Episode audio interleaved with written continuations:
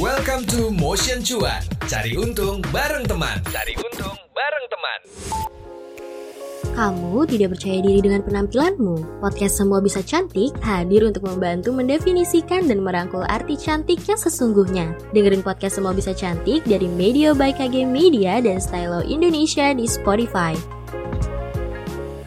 Hai Sobat Medio, apa kabarnya hari ini? Kembali lagi di episode Cuan barengan aku tentunya Aditya Putra Dinata yang bakal ngobrol panjang lebar bareng Nadia Caroline, seorang digital marketing instructor dan product excellence at Hacktive 8. Hari ini kita bakal bahas nih Sobat Medio tentang strategi TikTok untuk bisnis dan memenangkan pasar. Wow, menarik banget ya. Tapi kamu jangan lupa dong untuk follow dan kasih rating terbaik kamu di podcast Cuan di Spotify dan nyalain notifikasinya supaya kalau ada episode baru kamu juga bisa ke info yang tayang tiap hari Rabu dan Jumat. Kalau kita ngelihat popularitas dari TikTok emang semenjak pandemi tentunya makin meningkat, khususnya di kalangan anak muda. Artinya, ini adalah hal baik untuk menambah daftar media sosial yang digunakan sebagai marketing untuk bisnis, terutama bisnis dengan target pasar anak-anak muda zaman sekarang. Seiring meningkatnya popularitas dari TikTok, Tentunya media sosial satu ini nih, TikTok, juga terus berinovasi. Ada banyak banget aktivitas bisnis melalui TikTok Ads. Lalu ada fitur TikTok ini cukup diminati karena dianggap mampu membantu bisnis melalui melakukan kampanye. Tapi gimana ya cara kita sebagai mungkin entrepreneur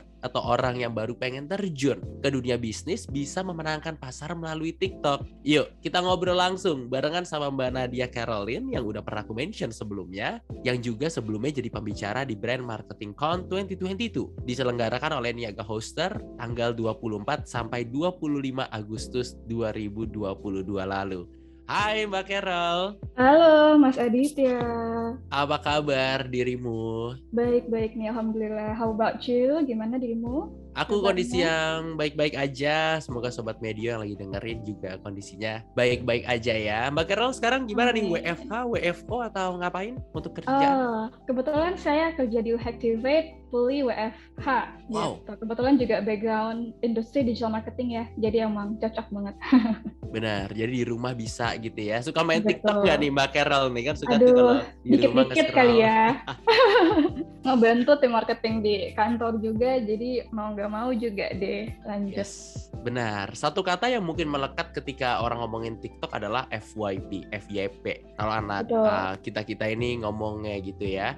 Kalau aku ngecek atau nge-scroll di TikTok tuh biasanya yang FYP memang orang-orang yang udah sering ngekonten, Mbak. Dalam tanda Hmm. kutip memang influencer atau memang yang udah suka udah kita follow lama. Memungkinkan nggak sih sebagai kita pengguna baru gitu ya? Belum ngomongin ke bisnis deh, kita pengguna baru aja untuk bisa berkarya FYP di TikTok. Peluangnya segitu besar nggak sih Mbak Carol? Uh, very interesting question ya untuk awal sesi ini. Untuk pengguna baru, new user, peluangnya gimana ya agar bisa masuk FYP? Itu bisa banget, there is possibility for that. Karena kebetulan TikTok itu jenis social media platform yang kekhasannya ya, USP mereka, unique selling proposition mereka adalah mereka punya high organic reach dan juga discovery. Sisi discovery ini tidak dipunyai oleh social media platform lainnya. Seperti itu. Jadi kalau kita lihat YouTube, Instagram, Twitter, masing-masing akun, masing-masing pengguna harus agak terkenal dulu ya, baru si platform ini, si Twitter ini, si YouTube ini mau menyebarkan kontenmu ke orang lain. Sedangkan kalau TikTok itu langsung nyala di FYP, nggak perlu diklik play dulu ya kan, nggak kayak Yes. uh, YouTube ya. Even though YouTube juga sekarang ada short, tapi kita harus scroll ke samping ataupun diklik dulu untuk mainkan gitu. Jadi itu fitur advantage yang kita bisa manfaatkan kalau teman-teman mau pakai TikTok nih, mau bikin konten di Ah, TikTok gitu. Dan sebagai dari sisi pembisnis ya, entrepreneur, business owner mau bikin konten di TikTok itu yang harus kita manfaatkan dengan baik. Oke, yes, aku ngerti nih poinnya nih. Bisa dibilang nggak sih kalau mungkin ada statement algoritmanya TikTok sulit ditebak, yang bisa Betul. jadi ini adalah peluang yang bagus untuk kita para pemula, Mbak Carol. Betul banget. Oh itu dia tuh uh, sobat media yang lagi dengerin sekarang artinya peluangnya begitu besar. Kalau kita mungkin agak masuk sedikit buat sobat media yang udah running sebuah bisnis atau mungkin baru aja terjun, baru kepengen nih, yang harus disiapkan apa sih mbak ketika mau pengen apa ya? Dalam tanda kutip memanfaatkan deh si TikTok ini nih supaya tentunya konten-kontennya tentang bisnisnya itu bisa juga naik. Oke, apa yang perlu dipersiapkan? Yes. Uh, mungkin ada tiga hal ya dari saya. Pertama itu pilih akun yang mau kamu gunakan. Kamu sebagai business owner ataupun entrepreneur bisa memilih dua jenis akun TikTok. Pertama adalah akun individu uh, atau akun bisnis. Nah ini saya beritahu cons and pros-nya. Kalau akun individu itu kamu nggak ke restricted jumlah sound yang bisa kamu pakai. Sedangkan kalau uh. kamu langsung memilih akun bisnis, kamu bisa langsung membuat ad. Itu uh, benefitnya. Cuma disadvantage-nya karena kamu mewakili sebuah entity ya, sebuah yes. bisnis tentu dari pihak TikTok juga akan membatasi content creation kamu, jadi nggak sebanyak kalau kamu menggunakan akun individu biasa. Silahkan tuh kamu bisa pertimbangkan sendiri apakah mau kamu langsung menggunakan akun bisnis, nggak perlu ribet nantinya ganti-ganti lagi, atau hmm aku mau coba dulu pakai akun individu untuk the first three months, tiga bulan pertama. Don't worry, untuk akun individu bisa kamu ganti ke akun bisnis kapan pun uh, yang kamu mau gitu. Di saat kamu sudah kumpulkan budget, sudah ready, oh aku sudah siap nih untuk pasang ads dan aku juga udah belajar nge-setupnya gimana. Uh, the next three months ataupun the next six months kamu bisa ganti akun bisnismu, lalu kamu bisa pasang ads di sana. Kedua, competitors research. Sisi apa dari dunia kreatif ya? Walaupun sekarang sisi marketing itu all about digital, all about numbers, data speaks ya kan, data berbicara. Cuma at the end of the day basisnya adalah this is creative industry gitu. Jadi tetap balancing dengan sisi analyticalnya, kamu membuat konten mau seperti apa walaupun kita orangnya kreatif itu tidak akan menggaransi kontenmu akan bagus dan banyak yang nonton ataupun orang-orang mau nonton gitu ya. Apalagi kan TikTok itu kontennya bukan konten edukasi ya isinya. Cuma ya untuk entertainment aja lalu lalang gitu. Jadi kalau kamu bikin yang sedemikian rupa juga belum tentu ada yang tertarik untuk tonton nah jadi look at your audience pertama. Kedua jangan pernah males untuk look at your competitors. Saran saya karena saya orang marketing ya jadi kita tuh harus efisien dan efektif orangnya daripada kita bikin sedemikian rupa kalender konten ataupun editorial plan konten satu gimana kedua gimana sampai konten ke sembilan gimana seperti Instagram mendingan kita lihat kompetitor. Cari lima competitors for example. Lihat sembilan konten pertama mereka masing-masing. Apa yang bisa kamu imitate? Di marketing juga ada teknik namanya imitate. Nah lalu lihat juga tiga konten most viewed-nya. Jadi paling banyak viewersnya yang mana. Nah, itu yang bisa kamu imitate untuk konten 3, 4, 5, 6. Kayak gitu. Nah, jadi itu lebih terproven. Kayak gitu. Karena kan data sudah berbicara. Views-nya lebih banyak. Dan tentunya saran saya adalah lihat kompetitorsmu yang jauh lebih sukses dibanding bisnis kita ya gitu. Ah. jadi audiens mereka kan sudah kekumpul. Itu teknik marketing yang sudah terbukti oke okay, ya kan? Tidak salah dong. It's not wrong for us to imitate tapi kita kemas lagi dengan identity produk kamu gitu. Ketiga, konsistensi. Don't pursue for perfection. Nggak perlu harus beli iPhone dulu agar kameranya nggak shaky. Nggak apa-apa Android juga. Walaupun shaky kameranya, tapi uh, effort is appreciated. Gitu daripada nggak ngelakuin sama sekali. Kalau kamu bikin video nggak sempurna, editingnya juga masih kaku, nggak apa-apa. Kamu tetap ya, tandanya one step ahead, lebih di depan dibanding kompetitormu yang lain yang belum masuk ke TikTok nih. Wow, wow, wow, wow. Uh, pro dan kontra udah disebutin ya, barengan sama Mbak Carol banyak dari kita mungkin ada sobat media yang terjun di dunia bisnis ngelakuin promosi terus kok wah nggak naik nih konten gue malah jadinya nyala nyalain TikTok. Kayaknya emang TikTok bukan tempat yang tepat deh. Kayak gue harus lari ke uh, media sosial yang lain deh. Ya kalau misalnya berpikiran seperti itu nggak apa-apa juga gitu ya. Kita nggak nggak nggak mau bilang kalau TikTok adalah satu media sosial terbaik gitu kan. Memang harus nemuin pasar yang tepat gitu. betul gitu. banget. Aku nggak tahu nih aku sih sebenarnya penasaran banget dari sudut pandang seorang marketing dirimu? Matriks keberhasilan ada nggak sih? Oke, okay, matriks keberhasilan ya. Karena untuk matriks views itu lebih mudah ya. It's easier to get uh, compared to other social media platforms. Jadi uh, bagi saya itu tidak masuk ke ER, engagement rate. Oh. gitu. Uh, matrix yang bisa masuk ke dalam engagement rate yang bisa menunjukkan ya akunmu, pagemu itu seberapa engaging ke audiensmu. Nah, itu saya gunakan matrix save sama share. Dan juga kalau komen, sekarang komen tuh udah tidak se quality 4-5 tahun lalu ya. Sekarang orang komen paling cuma satu emoji atau kayak lol atau kayak hahaha.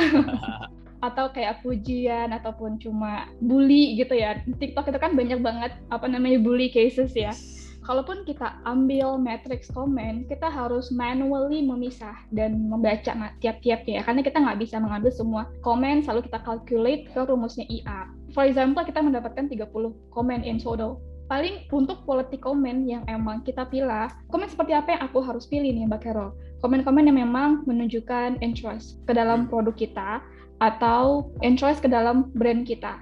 Misalkan ada yang komen, wah keren juga nih desain logonya atau kayak wah keren juga nih packagingnya gitu. Mungkin uh, those kind of users belum ada kebutuhan untuk produk kita. Cuma dia suka packagingnya atau dia suka iklan kita ads-nya gitu. So kita tinggal deketin dia untuk sisi produknya, ya kan? Komen-komen seperti itu nih, misalkan kayak oh cuma ada 10, ya udah kita ambil 10. Tapi yang lebih meaningful zaman sekarang itu adalah save sama share. Kalau save itu adalah menunjukkan how deep uh, the interest of the user. Apakah ketertarikannya itu bisa maju ke desire gitu. Kalau kita ingat rumus AIDA dalam marketing itu ada attention, kita harus bring attention uh, of our audience ke produk kita, lalu mereka akan menciptakan interest ya, ketertarikan dalam diri mereka, lalu bisa nggak tuh naik level menjadi desire ya, keinginan gitu, oh pengen beli deh, cuma oh, nanti di akhir bulan nunggu gajian gitu. Yang penting kan udah ada desire-nya buat beli gitu. Yes. Nah, kalau save itu kan tandanya oh aku mau nonton lagi nanti atau kayak aku mau ceki-ceki lagi nanti gitu. Kalau share tandanya produk kita itu se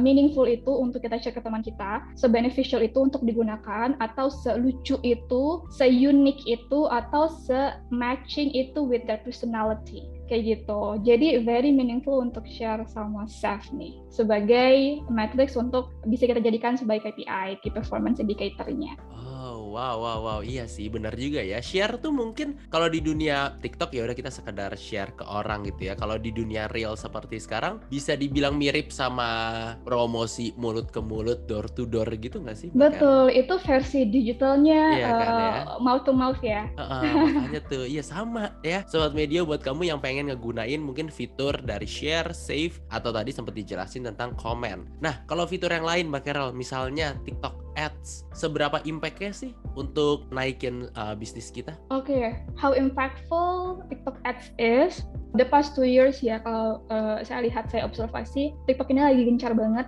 mengiklankan fitur TikTok ads mereka ke social media platform lain, especially um, Facebook dan juga Instagram. Saya sering banget lihat ads-nya TikTok untuk ngiklanin, hey kamu para business owners, kamu bisa gunakan fasilitas TikTok TikTok ads loh, tapi di TikTok ya. Yuk kita yeah. pindah ke TikTok jangan ke IG gitu. Apa yang kita bisa dapetin tadi ya the question Mas Adit. Hmm, oke, okay. yang kita bisa manfaatkan ya dari sisi seorang entrepreneurs, business owners itu adalah uh, ini adalah awal dari feature mereka. Jadi mereka masih memiliki basis price yang murah, hmm. way uh, cheaper than Instagram and also Google Ads especially. Uh, untuk teman-teman audiens yang belum tahu, harga digital ads yang uh, lebih mahal itu adalah Google Ads gitu karena mereka bisa menjangkau audiens yang lebih variatif ya tentunya. Karena kan search engine. Nah, uh, di bawahnya itu ada Instagram Ads, lalu ada Facebook Ads, TikTok Ads ini masih masih agak murah nih. Jadi itu yang bisa kita manfaatkan.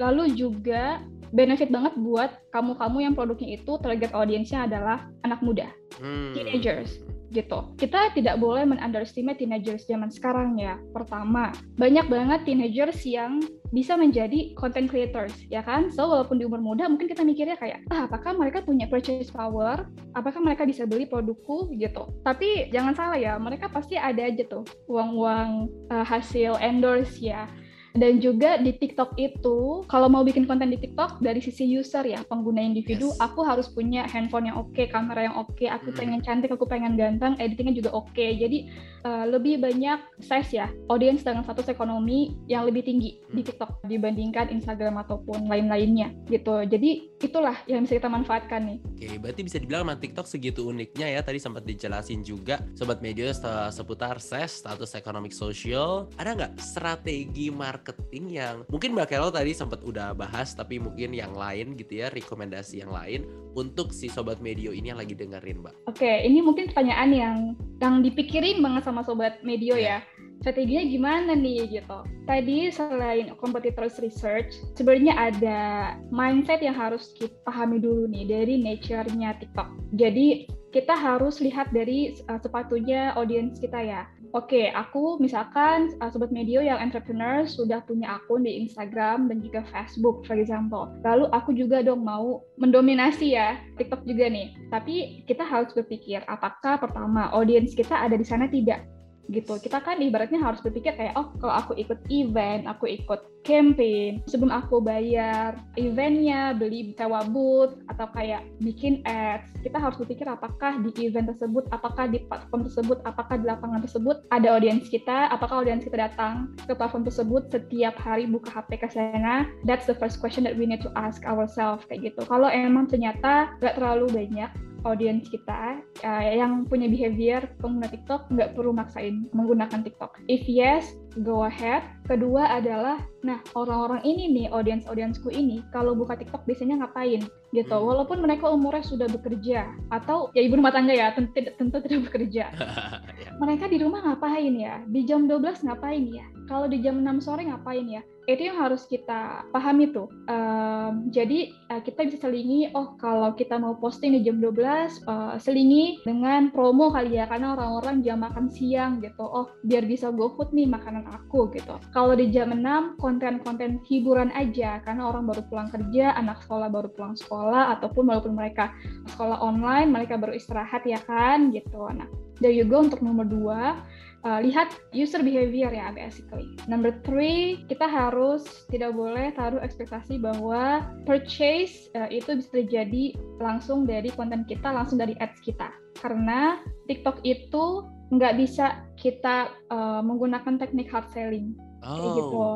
Jadi kalau kita ingin bikin konten di TikTok plus bikin ads juga kita sebagai owner ya harus sudah punya ilmu and educate ourselves bahwa goalnya cuma bisa ada dua pertama either it's brand awareness atau reach ketiga engagement kayak gitu jadi kalau brand awareness oh yang penting aku pengen memfamiliarkan brand aku yes. di telinganya orang-orang reach oh yang penting kalau brand awareness itu ada sisi kualitasnya. Si TikTok akan uh, mendistribusikan ads kamu ke orang-orang yang emang sesuai sama uh, audiens sudah kamu set di, di dashboard TikTok ads-nya. Kalau reach itu mainnya quantity. Yang penting si TikTok itu uh, angle-nya kayak gini. Oh, uh, aku kasih kamu 5 juta ya TikTok kata TikTok, oke okay, thank you nih 5 juta, aku akan sebar ads kamu ke sebanyak orang as possible. Aku nggak akan terlalu mentilik profilnya dia, yang penting quantity. Jadi reach-nya banyak. Atau kayak engagement, oh kamu mau ramai, go viral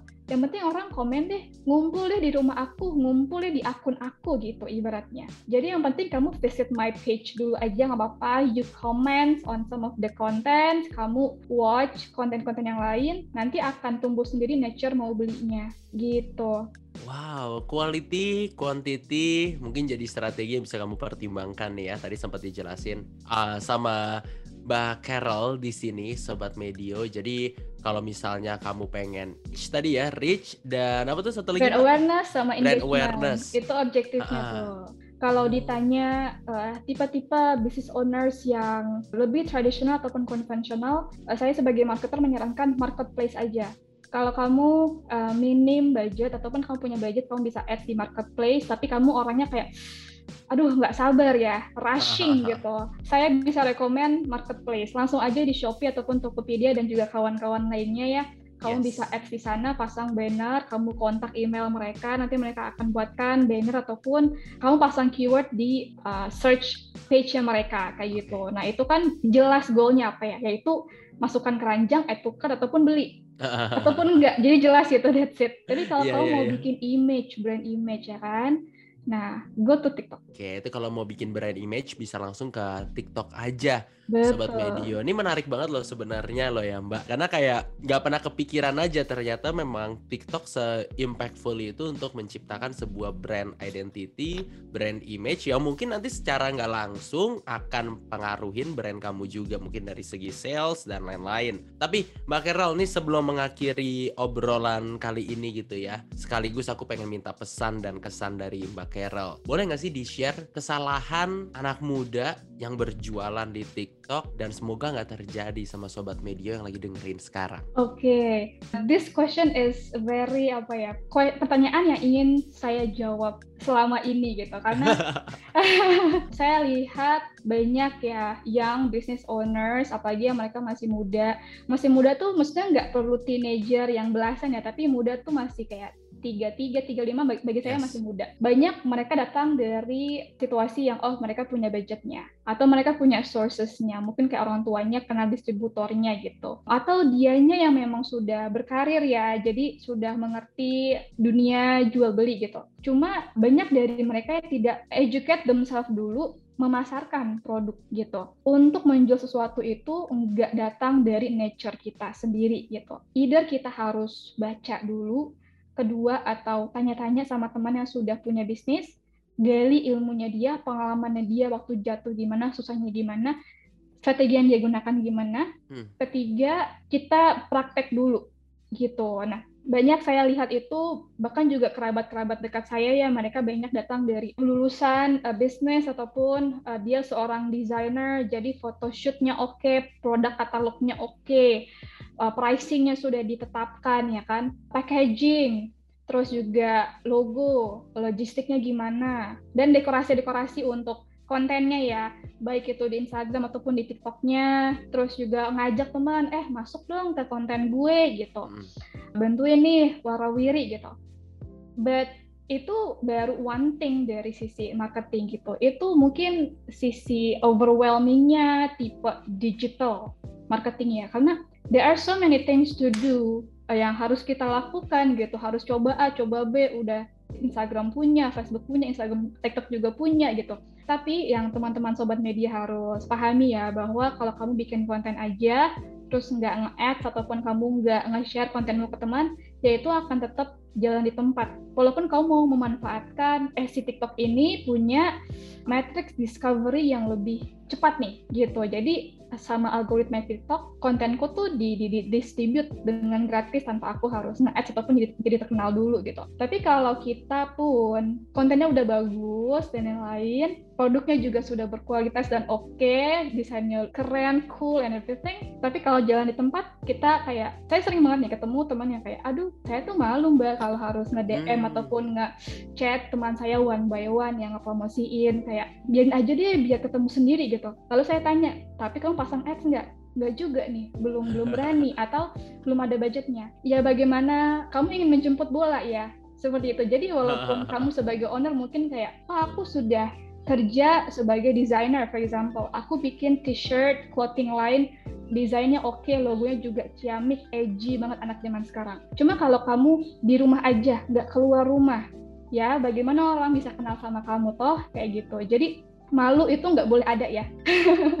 Kalau kita mau membuat bisnis gitu, nggak perlu malu-malu nge-share ke temen lah, baru cuma nge-share ke temen doang gitu. Dan juga tetap traditional marketingnya harus di, di, uh, dijalankan ya, karena distribution bagi saya itu sisi kreatif itu bisa nomor tiga dan keempat lah. Itu kan tools ya. At the end of the day kita memasarkan. Artinya harus explore kali ya. Ada nggak rekomendasi mungkin jurnal, artikel, buku yang bisa Mbak Carol kasih deh terakhir nih? Unfortunately to answer this question sebagai marketer kita orangnya trial and error. oh itu dia. Tapi itu penting loh ya ketika kita yeah. masarin produk juga ya. Betul banget. Kebetulan Mas Adit saya itu juga punya background bookish. Orangnya suka baca buku oh. and, and lumayan akademikal uh, semasa sekolah. Sewaktu uh, terjun ke industri ini, wah saya baca banyak buku and everything dari economist dan yang lain teori itu cuma stay in our brain. Jadi hmm. di lapangannya itu wah everything is different. Karena di teori ngomong apa di artikel ngomong apa oh si penulisnya siapa? Orang Amerika atau dia business owner uh, punya perusahaan teknologi tech company gitu lah. Kita bisnisnya apa? Misalkan uh, restoran, makanan ataupun catering gitu. Tentu teknik yang dia gunakan berbeda sama yang apa yang harus kita lakukan. Jadi yes. kuncinya dari seorang marketer ya karena kita eksekutor gitu. Jadi harus trial and error sih. Uh, banyak orang yang tidak siap ya Mas Adit bahwa failure, uh, failure itu pasti ada kegagalan gitu. Jadi uh, banyak banget kerabat-kerabat saya pun yang oh aku gagal nih cuma bisa menjual 20 pieces produkku. Lalu dia kayak tutup uh, akun TikToknya akun uh, IG-nya gitu. Jangan uh, sedih ya walaupun dia bilang kayak iya yang beli pun masih first circle circle pertama jadi teman-temanku doang. That's the nature of having a brand. Tentu yang beli pasti teman-teman dulu nggak sih? Nggak mungkin langsung stranger gitu kan ada fasenya itu yang orang nggak tahu atau educate themselves ataupun sebenarnya nggak perlu formal-formal banget untuk educate educate ourselves sih tapi mindset itu tuh harus ada. Nah mungkin mindset itu uh, untuk beberapa orang yang nggak suka terlalu belajar atau membaca buku kuncinya adalah persistence ya persistency jadi don't stop and don't give up. Jalankan terus walaupun tidak sempurna walaupun gagal belum ada yang beli memang seperti itu either kamu kurang cari referensi atau belum ajakin ketemu teman-teman yang udah sukses dalam berbisnis nih. Jadi kamu nggak tahu, oh berbisnis tuh pasti ada gagalnya ya gitu. Saya sendiri pun sebagai seorang uh, marketer untuk praktek dong. Jangan sampai saya juga cuap-cuap aja tapi pas praktek bikin bisnis, oh saya nggak bisa gitu. Saya selama ini udah punya tiga brand, produk ada, digital ada dan yang lain. Pasti kegagalan tuh ada aja. Pasti ada lah ya sebenarnya. Ya itu uh, dulu aku pernah ngobrol sama salah satu pebisnis yang dia bilang satu kutipan menarik banget bisnis itu pasti rugi dit. Untungnya bonusnya baru untung katanya kayak gitu. Itu dia. Ngobrol hari ini seneng banget sama mbak Carol. Sebenarnya pengen banyak banget pertanyaan-pertanyaan yang aku tanyain ke dirimu. Tapi balik lagi waktu memisahkan kita. Thank you so much ya mbak Carol. Thank you juga mas Aditya for this afternoon. Yes buat sobat media lagi dengerin sejauh ini. Thank you so much. Semoga dapetin insight menarik tentunya. Dan jangan lupa untuk terus dengerin podcast cuan, kamu follow dong di @medio_by_kg_media, @motion975fm dan Instagram Niaga Hostar di @niagahoster.id. Kalau pengen mampir ke Hactive 8 boleh di @hactive8id dan Instagramnya Mbak Carol di @nadia.carolin. Jangan lupa kalau pengen kirimin saran atau kritik ke email podcast@kgmedia.id. Dengerin terus ya podcast Cuan di Spotify untuk dapetin inspirasi menarik lainnya. Mbak Carol, thank you sekali lagi buat Sobat Medio. Thank you sekali lagi. Kita ketemu di episode selanjutnya. Bye-bye. Itu dia Motion Cuan. Cari untung bareng teman di minggu ini. Tungguin obrolan-obrolan seru lain di Motion Cuan. Cari untung bareng teman. Sampai ketemu di episode minggu depan.